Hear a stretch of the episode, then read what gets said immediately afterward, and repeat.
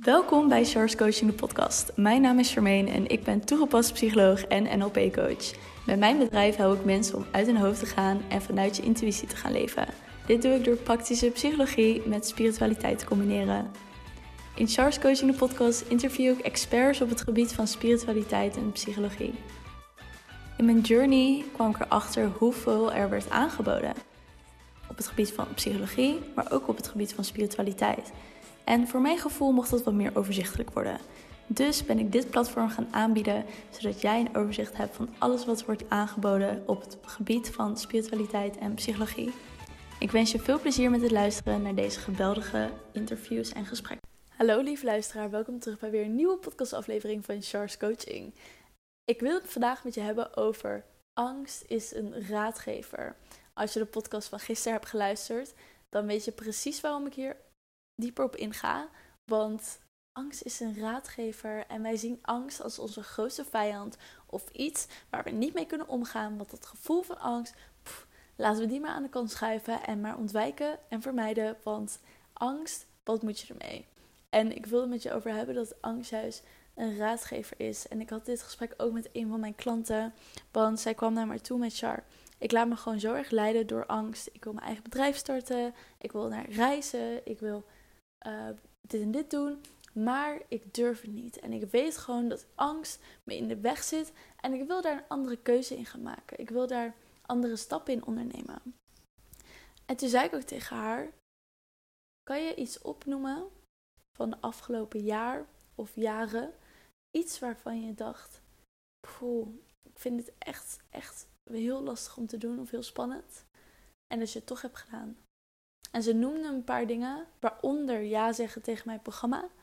Dat ze eerst er twijfels over had, omdat ze het spannend vond om iets voor zichzelf te gaan doen, voor zichzelf uh, iets te kiezen en in zichzelf te investeren.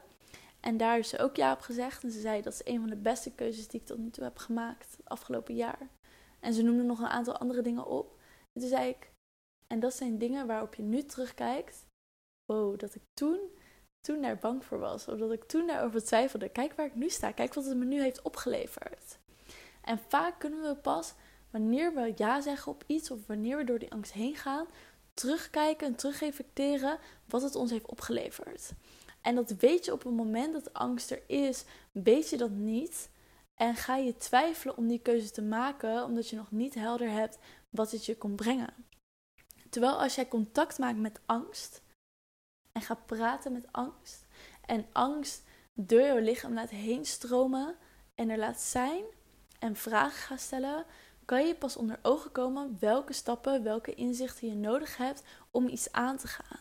Dus stel je voor, dat voorbeeld, dat zij wilde bij mij in het programma komen. Dus wij hebben daar gesprek over gehad, dat ze zich wilde aanmelden. En op een gegeven moment uh, kwamen wat dingen naar voren van ja, ik uh, twijfel nog hierover, dat over. Op het moment dat je dus opmerkt, oh ja, ik twijfel om hier aan mee te doen, ga je jezelf een vraag stellen: waar ben ik bang voor? In haar geval was het dat ze bang was om voor het eerst in zichzelf te investeren, om voor het eerst voor zichzelf te kiezen, om iets te doen waar andere mensen een mening over gaan hebben, want haar omgeving is niet bezig met zelfontwikkeling, spiritualiteit. Dus wat gaan haar ouders ervan vinden? Wat gaan haar vrienden ervan vinden? Wat gaan haar vrienden ervan vinden? Daar ze, dat ging in haar om. En op het moment dat je dat dus gaat onderzoeken, waarom vind je het belangrijk wat andere mensen ervan vinden? Waarom maak je er druk over? Waarom uh, heb je nog nooit in jezelf geïnvesteerd en vind je dit spannend? Misschien komt er wel omhoog. Ik ben bang dat mijn omgeving me niet meer accepteert. Ik ben bang dat ik niet waardig genoeg ben of goed genoeg om in mezelf te investeren. Ik ben bang dat het uh, misschien heel veel dingen omhoog gaat brengen waar ik nog niet klaar voor ben. En dan kun je daar weer dieper op ingaan. Oké, en hoe is dat dan voor je als dit of dit gebeurt? En wat gebeurt er dan als je wel die keuze maakt? Hoe kan dat dan zijn? En wie ben je over zes maanden als je hiervoor kiest? En wanneer je dus vragen aan jezelf gaat stellen, wanneer je dus contact gaat maken met die angst, door te mediteren, door te dansen, door gewoon te zijn en jezelf dus uh, die vragen te stellen en contact te maken. Door te voelen waar voel ik het? Voel ik het bij mijn hartchakra? Voel ik het in mijn keel? Spreek ik me niet erover uit? Stel ik mezelf er niet voor open? Laat ik het er niet zijn? Dan leer je dus wat angst je komt vertellen. In plaats van Ik voel angst, ik voel twijfel. Nee, ik ga het niet doen. Ontwijken, vermijden. Nee, ik voel dit. Nee, dit, dit, dit kan niet goed zijn. Dit kan niet goed zijn. Laat ik het ontwijken. daar leer je niks uit. Dat gaat je niks opleveren.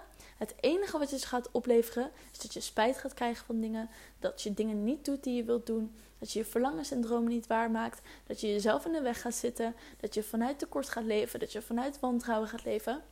Dus dan gaat je alles opleveren wat je waarschijnlijk niet wil hebben. Dus wat je wil gaan doen, is contact maken met angst. En je mindset gaan omshiften naar: ik voel angst. Oké, let's go. Wat kom je me vertellen? Je bent toch mijn raadgever?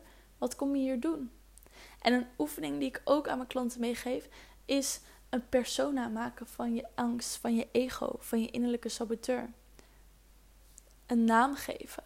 Ik heb ook in mijn programma heb ik ook een meditatie en journal opdrachten. Wie die persoon is en dat we daar diep op ingaan. Want op een gegeven moment, ik had iemand ook in mijn groep die, uh, die noemde innerlijke saboteur Petra. Dus elke keer als Petra om de hoek kwam kijken, is het zo van: Yo, Petra, wat kom je hier doen? Oh, dat. Ja, I can handle that. Dat heb ik al. Ja, daar gaan we mee aan de slag. Thanks, Petra. En je pakt de stuur. En je laat Petra achterin zitten. In plaats van in paniek Petra stuur te laten pakken. En dat Petra doorrijdt. En jij alleen maar op de achterbank zit. Zo van: Hé, maar waar gaan we naartoe? En waarom ben je hier? En ik weet eigenlijk niet wat je hier doet. En ik voel me super angstig. Want ik zit hier op de achterbank en ik heb helemaal geen controle meer. Het is tijd dat je zelf het stuur gaat pakken en dat je je mindset gaat shiften naar wat komt angst me vertellen en wat komt het me geven. En op het moment dat je dat dus gaat onderzoeken, dan kan je het veel beter plaatsen en een plek geven om met die angst om te gaan. En om beter te snappen wat je nodig hebt om een keuze te maken of die specifieke keuze. Heb je inderdaad nog coaching nodig? Wil je misschien met uh, je omgeving daarover praten? Wil je misschien met een vriendin erover praten? Wil je een, bepaald boek moet, mag je gaan lezen of een podcast mag je gaan luisteren om er meer over te leren? Dus wanneer je daar echt contact mee maakt, zul je ook beter begrijpen wat je nodig hebt om daarmee om te gaan en toch wel die stap te maken en toch wel die actie te ondernemen en toch wel inzicht te krijgen of die dromen of verlangens waar te maken. Dus zie angst als een raadgever. Geef haar of hem of het een naam. Praat ermee, maak er contact mee, ga vragen stellen en kijk waar het je naartoe brengt. En als je dat hebt gedaan, stuur me gerust een DM op Instagram, Coaching. En dan kunnen we er gezellig allebei nog even over praten. Want ik vind het echt super leuk om erover te horen in mijn DM. Dat we er nog dieper op in kunnen gaan. En nog één keer, angst is een raadgever. Dus ga ermee in contact. En ik spreek je bij de volgende podcast. Dat was de aflevering alweer. Ik wil je heel erg bedanken dat je tot het einde hebt geluisterd. Mocht je deze aflevering super leuk hebben gevonden, deel hem dan vooral met je vrienden. Je helpt mij ook door een review achter te laten op iTunes. Op die manier wordt de podcast nog meer zichtbaar. Tot de volgende aflevering.